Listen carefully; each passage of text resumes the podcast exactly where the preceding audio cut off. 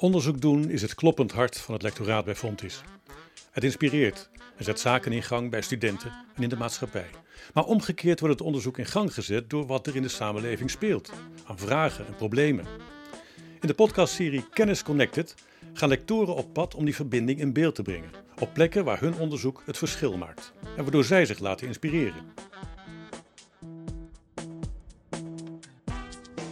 En zo'n inspirerende plek is zeker Strijp T in Eindhoven.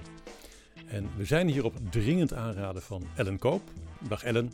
Dag. Jij bent bij Fontis docentonderzoeker bij Human Resource Management en projectleider van het onderzoeksproject Hybride Techdocenten. En je bent er zelf een, heb je Klopt. gezegd. Ja, sinds Ja. kort. En wat doe je dan als hybride Eh, techdocent? Ik werk eh, naast mijn werk bij Fontis, nou niet als techdocent, maar naast mijn werk bij Fontis ben ik als eh, zelfstandig trainer werkzaam en aangehaakt bij de Lab of Life. En geef ik trainingen om de mentale gezondheid van studenten en medewerkers te bevorderen. En Lab of Life, dat is ook een... Is een, is een instelling die voort is gekomen vanuit de Radboud Universiteit, maar inmiddels een zelfstandig bedrijf. Ja. En ehm, wat is daar hybride aan? Eh, hybride is eigenlijk dat ik dus eh, zowel een aanstelling heb binnen het onderwijs als buiten het onderwijs. Of nou ja, een aanstelling. Ik werk eigenlijk zowel binnen het onderwijs als buiten het onderwijs. Ja. En je wilde heel graag met Mieke Zijlstra in gesprek. Wij werken graag samen. In, eh, Want Mieke, jij bent projectleider hybride techdocenten Brainport voor Brainport Development. En we zitten hier bij Strijp T. Daar werk je ook. Dat is jouw Klopt. plek. En Klopt. wat is dat voor plek? Ja, het, een, het zijn allemaal oude eh, Philips ehm, die allemaal zijn opgeknapt. En waar eigenlijk een soort ja, broedplaats is voor nieuwe ideeën, innovatieve ideeën. ehm, waar ook heel veel verschillende type organisaties zitten. Maar het zijn allemaal organisaties die eigenlijk ehm, ja, iets nieuws doen. En er zijn ook heel veel lekkere eh, eetentjes, ijssalons. Eh, dus er gebeurt heel veel. Het is een, echt een bruisende plek om, eh, om te zijn. Een soort horecaplek, maar er worden ook leuke dingen bedacht. Precies, precies, ja. ja. En Fontis zit hier ook. Hè? We zitten, we zitten bij Fontis hier. Ook. Dus het, zeg maar, het, is een, ehm, het gebouw heeft gewoon ehm, meerdere verdiepingen die door verschillende bedrijven en dus ook onderwijsinstellingen ehm, nou ja, worden gebruikt als, eh, als kantoor of ook als plek om les te geven. Dus inderdaad, als ik 's ochtends naar mijn werk ga, dan doe ik dat eigenlijk samen met de studenten van Fontes. Dan lopen we samen de trap op, zij om eh, lessen te volgen en om aan projecten te werken en ik om eh, nou ja, mijn werk te doen. Ja, maar Ellen, Fontis zit hier niet voor niks. nee, dat denk ik ook niet inderdaad. Nee, eh de, eh, eh, Fontis is hier, Fontis eh, ICT. Ehm, en eh, die hebben een vrij innovatieve vorm van onderwijs. Ik zit niet heel gedetailleerd in dat type onderwijs, maar ik denk dat die bewust voor een plek hebben gekozen waar veel vernieuwing eh, eh, plaatsvindt. Dat neem ik aan, ja. Het is een heel, ja, als ik zo om me heen kijk, het is een heel industriële ruimte. Hè? Ja. Kale muren, je ziet alle buizen en het is een transparant gebouw, zullen we dan maar zeggen. Ja. Het project Hybride Techdocenten, dat is een apart project binnen Fontis geworden. Waar kwam het vandaan? Waarom was het project nodig, Ellen? Ehm, ja, op een gegeven moment raakte ik in gesprek met Mieke en hoorde ik dus over de pilot hybride tech eh, docenten. En kwam ook de vraag van, goh, kunnen de verwachtingen en ervaringen van die groep eh, docenten in kaart worden gebracht? Dus Dat pilot Hybride eh, Techdocenten, dat is van hier, Dat is van eh, Brainport. Ja. En het, Je raakte in gesprek en je dacht, hé, hey, daar moet Fontis mee aan de gang. ja, daar kwamen we eigenlijk gezamenlijk op Ja. uit dat het mooi Ja. zou zijn om te gaan eh, eh, samenwerken.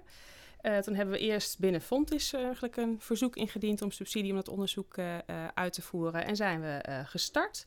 Dat Ja, eigenlijk onder, onderzoek, ehm Mieke, had jij ook een vraag, een onderzoeksvraag Ja, ja aan zeker. Ellen? Van, ja. jij, jij zat met een probleem. Ja, wat we eigenlijk. ehm, we, zijn, we zijn een pilot gestart om 100 hybride docenten vanuit het bedrijfsleven het onderwijs in te plaatsen. En ehm, het is een pilot. En een pilot is natuurlijk heel erg proberen, kijken wat er werkt, wat er niet werkt. En daar, als je een pilot doet, wil je ook heel goed monitoren. ehm, nou ja, hoe het gaat, wat zijn je bevindingen, wat zijn je resultaten, wat zijn de ervaringen en ook hoe ervaren die hybride docenten dat. En dat is niet een expertise die ik zelf heb. En dat is wel een expertise die bij Ellen en haar collega's zit. Dus dat was eigenlijk de reden waarom wij dachten van ja, dit moeten we niet zelf gaan doen. We kunnen wel zelf iets opzetten, maar dat moeten we eigenlijk niet doen. Dus toen hebben we de collega's van Fontes gevraagd. En wat was dan je, je vraag? Wat kwam je tegen? Nou, het is ehm, hybride docenten die gaan eigenlijk uh, aan de slag in het onderwijs. En je wil eigenlijk weten, ze hebben van tevoren natuurlijk verwachtingen. Ze verwachten misschien dat het heel leuk is met uh, um, studenten. Of ze verwachten er tegen, ergens tegen aan te lopen. Maar we wilden eigenlijk kijken van... Um, ja, wat verwachten de hybride docenten nou? En wat is daar uiteindelijk... Ja, wat hebben ze uiteindelijk ervaren? Om te kijken of we hun bijvoorbeeld ook beter kunnen helpen in hun traject als hybride uh, als hybride docent. Maar zag je ook dat er bepaalde verwachtingen niet werden ingelost? Dat mensen daar een beetje gefrustreerd door raakten? Want um, anders kom je niet op zo'n vraag, neem ik aan. Nee, het was eigenlijk al wel gewoon aan de voorkant dat we dachten... want dit moeten we wel gewoon gaan vastleggen... meer op basis van uh, ervaringen elders in het land... Hè, waar hybride docenten ook worden ingezet... en waar je dan wel hoort dat het bijvoorbeeld de, de ja, hoe zeg je dat, de onderwijscultuur, dat die soms wennen is voor iemand uit het bedrijfsleven. Ik ben gewend als ik overmorgen een dag vrij wil, dat ik dat kan regelen. Als je dat in het onderwijs aanvraagt, dat, zo werkt het niet. Je staat voor een klas, de leerlingen verwachten, je hebt een heel strak rooster. Um, en we dachten eigenlijk van, ja, dat, we hoorden al van eerdere verhalen dat, dat, dat daar soms tegen aangelopen werd. En toen dachten we van, nou, wij moeten dat gaan monitoren, hoe dat in onze pilot werkt. En vervolgens kunnen we daar ook op uh, op inspelen. Je moet het gaan onderzoeken. Ja. En dan kom je bij Ellen terecht. Ja, bijvoorbeeld. Ja. ja. ja. en ik nou. kwam er binnen Fontes achter dat eigenlijk dus meerdere mensen uh, interesse en expertise hadden op dit terrein. En uh, eigenlijk heeft Mieke ons samengebracht en hebben we besloten dus de handen ook binnen Fontes weer met meerdere partijen in één te slaan. Dus het is eigenlijk een project waar drie lectoraten bij betrokken zijn.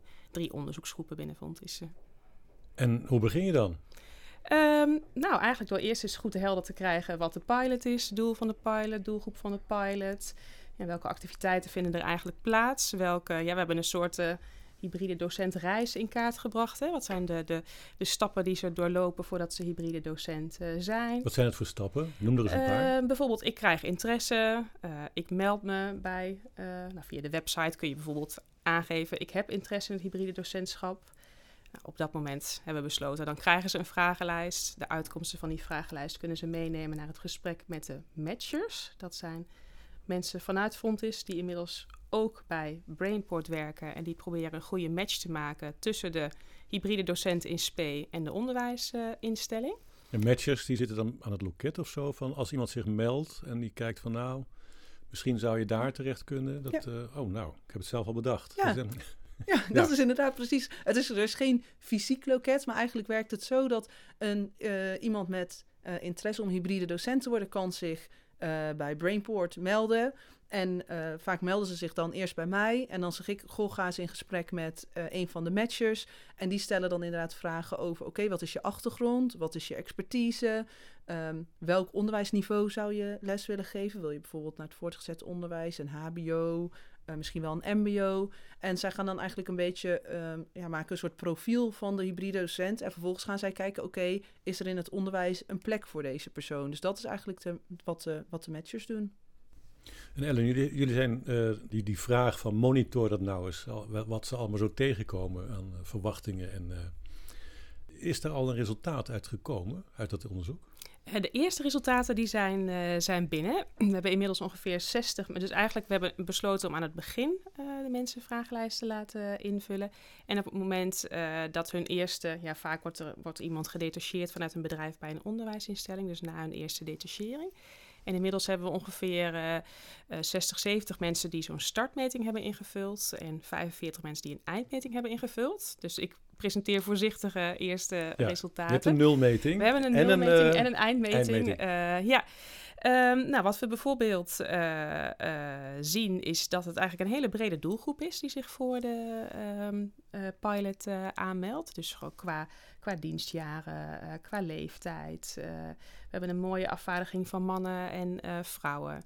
Het blijken veel... Dat waren die honderd die Mieke noemde hè? In, dat, in die pilot. Nou ja, alleen die, die 100 die starten zo, zo langzamerhand. Dus wij hebben niet op één moment een vragenlijst uitgestuurd. Maar op het moment dat iemand interesse heeft, krijgt hij een vragenlijst. Dus we zitten nu volgens mij op, nou zeg, 120 en nog steeds aan het tellen. Ja, maar je hebt 60 mensen die het hebben ingevuld. Die het hebben ingevuld, ja. ja. Komt ook omdat we pas wat later dan dat de pilot was gestart ingingen. Ja. Wat zijn het voor vragen bijvoorbeeld? Uh, wat wil je weten voordat ja, iemand begint? Ja, Ehm, eh, in wat voor onderwijstype zou je les willen geven? Eh, denk je goed aan te kunnen sluiten bij de eh, doelgroep? Welke rollen zou je kunnen vervullen? Wat is je belangrijkste motivatie om in het onderwijs te gaan werken? Wat zie je als obstakels? Wat zijn kwaliteiten die je nodig denkt te hebben? Ehm, en aan het eind bijvoorbeeld ook ga je het, ga je het voortzetten, je werk als hybride docent. welke verwachtingen zijn niet uitgekomen? waar, waar, waar ben je zwaar teleurgesteld in? Ja, ja. Heb je er een voorbeeld van? Nou, ik, wat ik zelf de mooiste uitspraak vond was... Motivatie van leerlingen en studenten komt wel regelmatig terug. Um, In welke zin? Ja, dat, dat of mensen heel veel... Ja, heel enthousiast worden over het motiveren van studenten en leerlingen. Maar je merkt dat de verwachtingen soms ook zijn dat de motivatie er vooraf al is. Uh, Terwijl het in mijn ogen ook een taak is van de docent om de leerlingen en studenten te motiveren. Dus, dus ze denken dat de studenten al heel erg gemotiveerd zijn, maar ze moeten er zelf ook wat aan doen. Ze moeten er zelf denk ik ook wel wat aan doen. Ja, ja, dus het feit dat jij zelf heel enthousiast bent, betekent niet automatisch dat de leerlingen en studenten ook heel enthousiast zijn. Nee, dat weet ik nog uit eh, mijn eigen middelbare schooltijd. En wat ik heel grappig vond was een uitspraak van, uh, ik weet studenten wel te motiveren als ze al gemotiveerd zijn. Zo van, ja, ik weet er wel een schepje bovenop te doen of zo. Toen dacht ik, ja, ja dat is wel een interessante. En, en dat, Hoezo? Dat, dat, dat, ze zijn toch al gemotiveerd? Ja, dat is makkelijk. Dus, uh, nou ja, ik, ik denk dat je er in de basis niet vanuit moet gaan. Dat mensen, ja, ieder mens is natuurlijk wel ergens voor gemotiveerd. Maar het is niet zomaar als er iemand binnenkomt dat mensen uh, nou, dan vooraf al heel veel interesse hebben in jouw verhaal. Je moet die motivatie ook wel zien te winnen. Je moet mensen prikkelen en de juiste vragen stellen om ze, denk ik, ook gemotiveerd, uh, of in ieder geval nog gemotiveerder te maken. Waar, waarbij ik niet wil zeggen dat de huidige leerlingen niet gemotiveerd zijn, maar ik zie het juist als een rol om mensen te inspireren, enthousiasmeren en uh, ja, nog gemotiveerder te krijgen. En dat het niet zo is dat je als uitgangspunt al kan stellen van nou, mijn rol begint als ik al een basisniveau van motivatie uh, heb, bijvoorbeeld. Ja. En daarin zien we denk ik ook wel ja, verschillen tussen verwachtingen vooraf en hoe het daadwerkelijk uh, is. Mensen zijn denk ik geneigd om vanuit hun eigen beeld van onderwijs te kijken. Van, hè, nou, toen ik bijvoorbeeld op de middelbare school natuurkunde ging, ging het zo en zo. Misschien is dat inmiddels wel heel anders. En het onderwijs op het HBO is vaak weer anders ingericht dan op de universiteit of op een MBO. Ja. En uh, ja, dat, dat, is natuurlijk wel belangrijk, dat die verwachtingen uh, helder zijn. Uh, Mieke, hier komen dan die, die 120 inmiddels uh, mensen die, uh, die melden zich aan.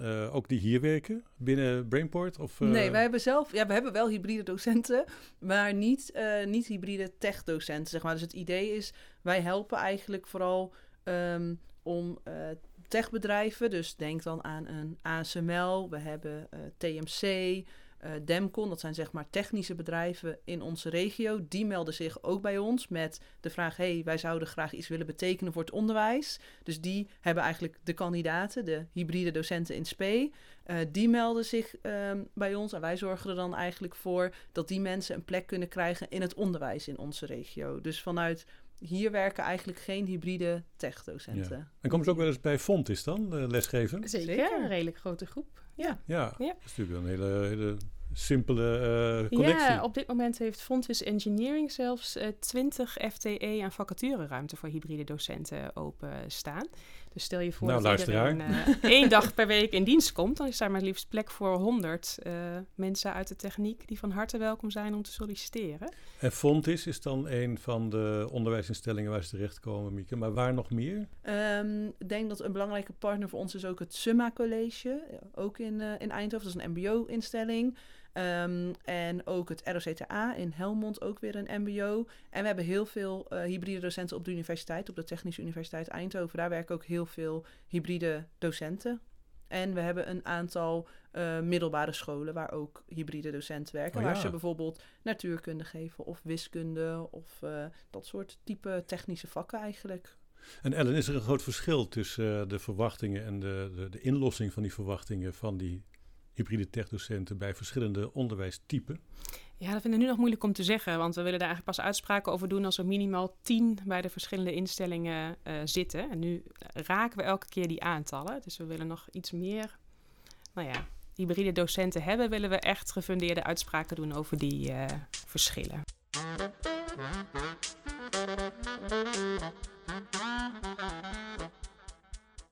En worden ze zomaar voor de klas gegooid of voor de groep gegooid? Of eh, krijgen ze een opleiding? Of gaan ze zonder, eh, zonder Ehm. pedagogische eh, achtergrond gewoon hun verhaal vertellen? Ja, eigenlijk wel. Tot nu toe wel. Dus ehm, toen we aan de pilot begonnen, dat is nu twee jaar geleden, hebben we een, samen weer met Fontes een cursus opgezet. Eerste hulp bij onderwijs. Eh, maar toen EHBO. de- Ja, EHBO. Ja, ja, inderdaad, Nee, ik wist niet dat dat dat betekende, maar We geven gewoon nieuwe betekenis aan dingen in Brainport. Maakt allemaal niet uit.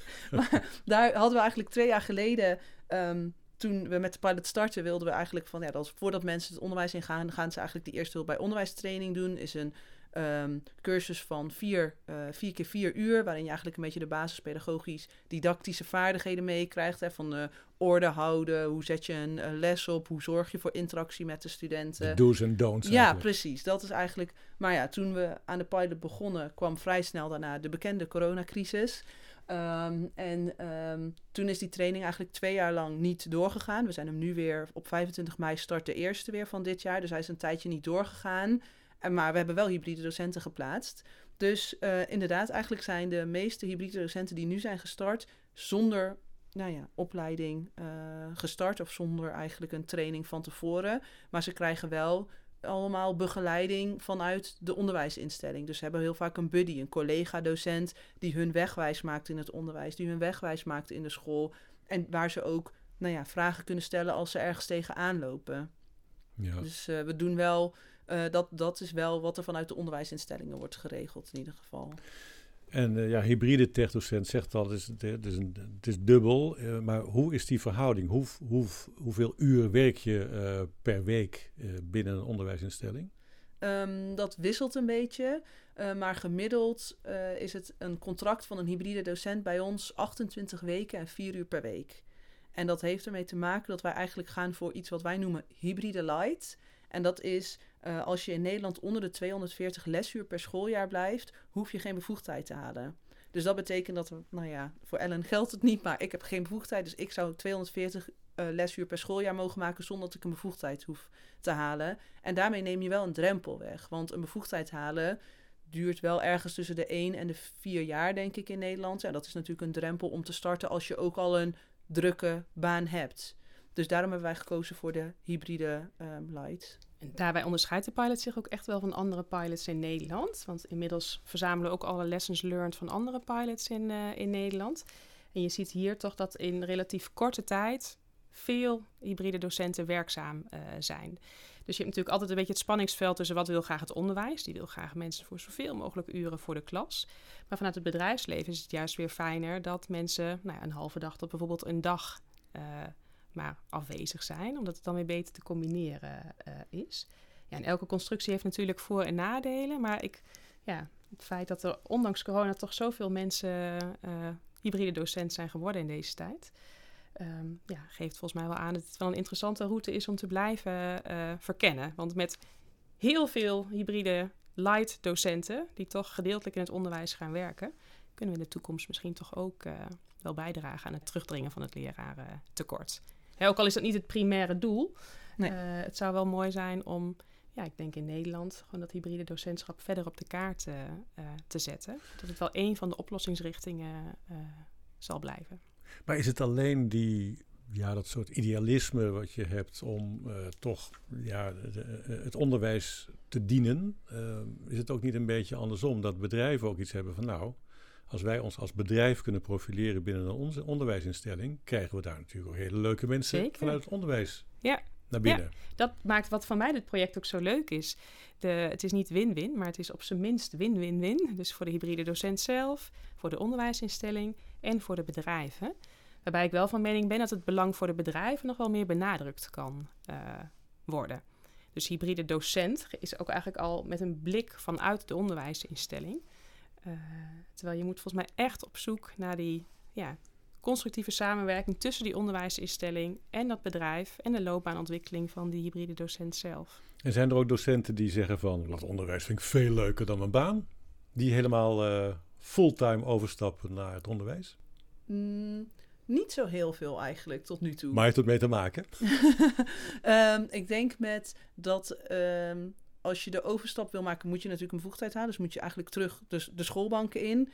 En ik kan me voorstellen dat ook het uh, verschil in inkomen, uh, hè, dus wat je betaald krijgt als docent, waarschijnlijk lager is dan wat je tegenwoordig krijgt bij een uh, technisch bedrijf. Ik bedoel, dat zijn over het algemeen goed betaalde banen tegenwoordig. En ehm, ik denk dat, daar wel, dat dat wel twee belemmeringen zijn waarom mensen niet de hele overstap maken. En wat we heel veel terug horen is dat juist die combinatie heeft ook die meerwaarde. Want als je helemaal de overstap gaat maken met het onderwijs, dan mis je weer die verbinding met het bedrijfsleven. En juist die toegevoegde waarde die de hybride docent heeft, is het meenemen van alle nieuwste laatste kennis vanuit het bedrijfsleven het onderwijs in. Dus dan ja, neem je dat ook weg. Dus ik denk dat dat de redenen zijn waarom het niet heel veel uh, wordt gedaan in deze groep in ieder geval. Nee, we hebben wel wat mensen die al een bevoegdheid hadden en zeiden van, goh, vond het vroeger eigenlijk heel leuk. Of ik heb bijvoorbeeld promotieonderzoek gedaan. Het vond ik toch eigenlijk het begeleiden van studenten wel heel leuk. Ik heb dat heel lang niet gedaan. Of ik heb wel eens een keer stagiaires begeleid. Nou, dit is een mooie kans om en wel bij mijn huidige werkgever te blijven werken, maar toch ook die passie voor het onderwijs weer uh, op te pakken. Leuk. Um, Ellen, je zei, er zijn ook meerdere, meerdere initiatieven in het land uh, met hybride docenten. Waar, waar is dat dan uh, te zien? Um, ja, op bijvoorbeeld de website van het Techniekpact heb je een mooi overzicht van welke pilots er allemaal in Nederland zijn. Uh, ja, en ook met ons eigen netwerk en onze eigen expertise proberen we ook uit te pluizen waar iedereen zit. En, maar ik kan me voorstellen dat het rond Delft zal kunnen, zou kunnen zijn. Of Enschede lijkt me ook een plek waar dat georganiseerd is. Heb je daar een beetje zicht op? Ja, ik, ik, we zitten nu in de onderzoeksfase dat we allemaal die dus eerst verkennen welke zijn er allemaal en dus nu ook aan het kennismaken zijn. Uh, ja, er zijn ook heel veel verschillende soorten initiatieven. En ook niet altijd per se in de techniek hoor. Er is bijvoorbeeld ook wel een grote bank in Nederland geweest die uh, een pilot heeft uh, gedaan rondom hybride uh, docenten. Finance docenten. ja, bijvoorbeeld. Ja, en het, het, het wordt ook vanuit verschillende de richtingen zorg lijkt me ook een goede... De zorg, ik goeie... krijg regelmatig ook spreekmensen uit de zorg die ook zeker interesse hebben. En daar gebeurt het ook wel vaak omgekeerd. Dat dus mensen vanuit de uh, ja, vanuit het onderwijs de zorg ingaan. Dat is eigenlijk andersom dan deze pilot, of juist weer van de zorg naar het uh, onderwijs. Ja, en wat wel uh, opvallend is, ja, vanuit, vanuit de zorg is het onderwijs vaak juist aantrekkelijk. Als je kijkt naar dat mensen bijvoorbeeld zeggen, goh, ik vind met mijn gezin toch fijner om uh, ja, altijd op kantoortijden bijvoorbeeld te werken. Um, ja, en de uitdaging is volgens mij dat je ook een sector gewoon heel, heel interessant maakt. Hè? En, en als dat betekent dat je in die sector ook makkelijk banen kan combineren, dan krijg je op die manier misschien ook in totaal wel weer meer mensen in dienst. Dus sommige mensen zeggen, ja, waarom zou je dat nou gaan doen? Je hebt bijvoorbeeld een tekort aan technici en dan ga je ze ook nog gedeeltelijk eruit halen. Of misschien in de toekomst, het lijkt mij ook heel erg leuk om te kijken of we mensen vanuit het onderwijs juist naar het bedrijfsleven zouden krijgen. Ja, waarom zou je dat nou doen? Haal je nog meer docenten weg? Maar ik denk juist dat in sectoren waarin die hybride loopbanen aantrekkelijk worden, de sector wel eens interessanter kan uh, worden. Wat een aanzuigende werking kan ja, zijn ja, uh, voor ja. nieuwe mensen. Ja. En um, ja, wat ook interessant is, dus heel vaak denken mensen bij een loopbaan af en ik doe eerst dit en ik doe dan dat. Nu zijn we bezig met, ik doe nou, uh, en het onderwijs en bijvoorbeeld de techniek tegelijkertijd.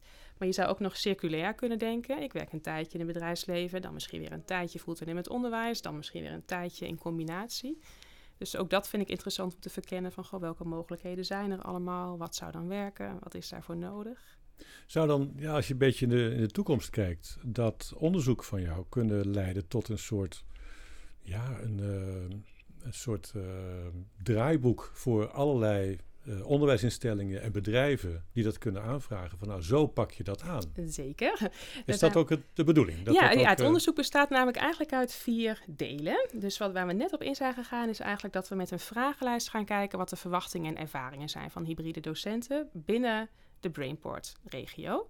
Uh, maar we zijn ook nog bezig met interviews met de hybride docenten. En ook met de mensen uit het onderwijs en het bedrijfsleven. En bijvoorbeeld de matchers en de projectleiders. Om echt ook een beeld te krijgen van de hybride docent zelf. Maar ook van eigenlijk de schil aan ja, actoren noemen we dat er omheen. Dus een beetje de feiten verzamelen. Ja, ja. ja. doen we ook binnen de Brainport-regio. Maar nu zijn we dus ook bezig met... Uh, ja, we hebben iets van 50 bronnen en projecten die we aan het analyseren zijn. En we halen daar de lessons learned uit. En die lessons learned willen we ook weer ja, eigenlijk gaan vertalen naar gerichte informatie voor de verschillende doelgroepen. Dus Uh, stel, ik ben een onderwijsinstelling en ik wil starten met het hybride docentschap. Wat moet ik weten? Of ik ben als bedrijf al wel gestart met het hybride docentschap, maar we willen het naar een next level brengen. Hè? Wat, wat zouden we dan uh, kunnen doen? En die inzichten willen we ook weer vertalen in een soort van toolbox naar uh, ja, wat is er dus nu eigenlijk nodig om dat hybride docentschap een succes te maken voor alle uh, partijen. En dan laten we ook die hybride docenten, de onderwijsinstellingen en de bedrijven actief over meedenken. Dus dat is wel een beetje mijn, ja, niet mij, dat is het, het, het, het ultieme doel. Ja. Niet alleen maar kennis van hè, wat, wat zijn verwachtingen en ervaringen, maar dat echt vertalen naar, nou, dit zijn de tools waar jullie wat aan hebben om het tot een succes uh, te maken voor alle partijen. Ja, dan ook nog, Mieke, van waar de, wie gaat dat de hand nemen? Nu uh, ik kreeg de indruk dat het uh, individuen zijn die naar dat loket gaan, naar zo'n matcher gaan van ik zou wel eens wat in het onderwijs willen. Ehm, maar zijn het ook bedrijven die zich melden van wij hebben zoveel mensen in dienst. Wij willen heel graag iets doen in het onderwijs ja. met onze mensen. Ja, ja, dat is echt zeker inderdaad.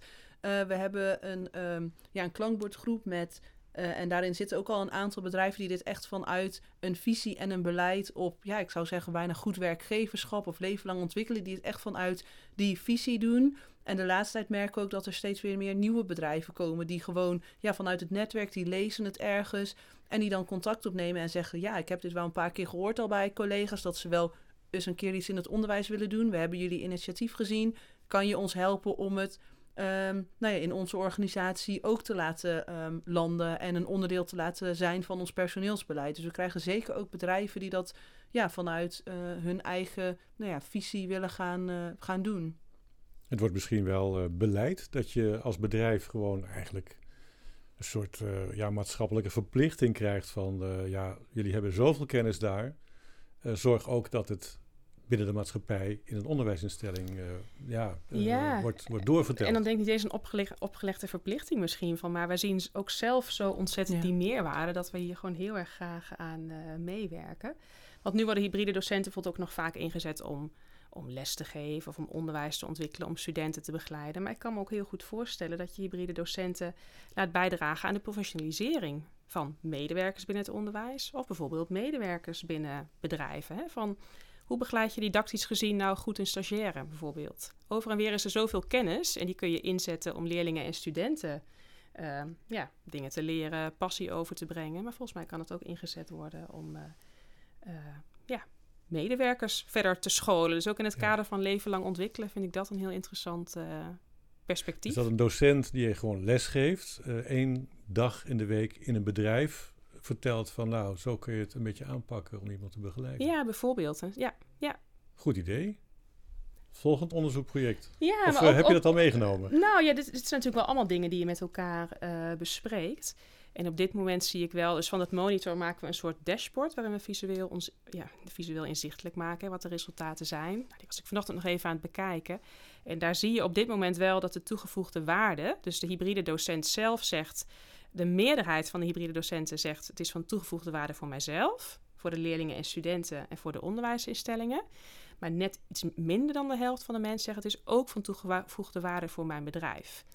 Terwijl ik denk dat die potentiële toegevoegde waarde ook voor dat bedrijf dat mag heel erg groot worden. is. Dat mag benadrukt ja. worden. En die is ook echt wel heel groot. En ik denk ook echt dat er best wel veel bedrijven zijn die dat ook wel zo er, ervaren. Want je had net over, ja, daar zou je misschien een soort van verplichting van moeten maken. Maar ik denk dat heel veel bedrijven dat echt ook al wel vanuit zichzelf ervaren en voelen. Van ja, wij, wij hebben zoveel kennis en expertise en daar moeten we ook echt iets mee. Zeg maar. Die willen ook zelf heel graag die verbinding met die onderwijsinstelling um, maken. Dus ik denk ook dat er heel veel bedrijven zijn die dat zelf al wel zo ervaren en voelen en doen. En dan niet altijd in de vorm van hybride docenten. Maar je kan het natuurlijk ook doen door um, scholen op jouw uh, locatie uit te nodigen en te laten zien wat je allemaal doet. Of samen een lesprogramma te ontwikkelen. Dat hebben we bijvoorbeeld gehad bij een organisatie die uh, wilde met hybride docenten aan de slag. Maar gaandeweg kwamen ze er toch een beetje achter van... oh, dat is misschien toch niet helemaal wat we zoeken. En nu zijn ze samen met een, een middelbare school in Helmond... hebben ze gewoon een lesprogramma ontwikkeld. En gaan ze echt met een levensechte opdracht met die leerlingen aan de slag. En ik denk dat dat, nou ja, dat zijn ook hele mooie voorbeelden hoe je als bedrijf iets kan doen voor het onderwijs. Wat voor soort bedrijf is dat? Het is een, uh, een IT-bedrijf. En die eh, eh, hebben IT-consultants. En die nou ja, bieden eigenlijk, eh, hoe zeg je dat, IT-ondersteuning aan ondernemers. En die eh, gaan nu kijken hoe ze die eh, jonge, hoe ze die leerlingen ook kunnen enthousiasmeren om ook in de IT te gaan, eh, te gaan werken. En Ellen, ga je ook onderzoek doen bij studenten? Ja. Wat daar de verwachtingen zijn? Ja, En- zeker. Ja, Ja, ja. en eh, Of in ieder geval naar de ervaringen. Dus eh, we ehm, hebben dus een, eh, ja, eigenlijk hybride docenten in verschillende type onderwijsinstellingen zijn we aan het eh, interviewen. En van die hybride docenten worden dus ook de leerlingen en studenten aan wie ze les hebben gegeven eh, geïnterviewd over hoe ze het ervaren hebben. Die interviews die zijn nu nog niet geweest, maar die gaan voor de zomervakantie nog plaatsvinden. Daar kun je nog niks over zeggen. Nog niet, maar wel dat het dus echt ook een nieuw perspectief is. Hè. Dus we weten inmiddels redelijk goed wat de ervaringen van hybride docenten zelf zijn. Mondjesmaat hè, komt ook van, ja, moeten ook het belang van het bedrijfsleven meer benadrukken. En dit onderzoek is in die zin ook wel uniek dat het ook het perspectief van die leerlingen en studenten eh, meepakt. En ik ben Ja. ook heel erg benieuwd naar wat ze... Ja, als zij het heel leuk vinden, kan het ook een USP worden Ja. voor, eh, voor nou, een onderwijsinstelling. Voor. Fontes bijvoorbeeld. Van, nou. Als daar veel hybride docenten zijn, daar moet je wezen als student. Ik weet wel van de mensen die gewoon in de onderwijsinstellingen werken... en die bijvoorbeeld ook in de klankbordgroep eh, zitten... die geven al wel aan dat leerlingen en studenten heel eh, enthousiast zijn. Het klinkt ook zo logisch. Ja, zeker. Ja. En het gebeurt overigens al best veel. Hè? Dus, dus als we kijken naar eh, de cijfers in Nederland... dan is 10% van de docenten doet toch iets ernaast. Dus het vindt al heel erg veel plaats. Ik denk alleen dat er over het algemeen weinig gebruik van die baan ernaast ook wordt gemaakt. In het onderwijs wordt een docent die dus iets anders ernaast doet, vaak gewoon als een part-time docent beschouwd.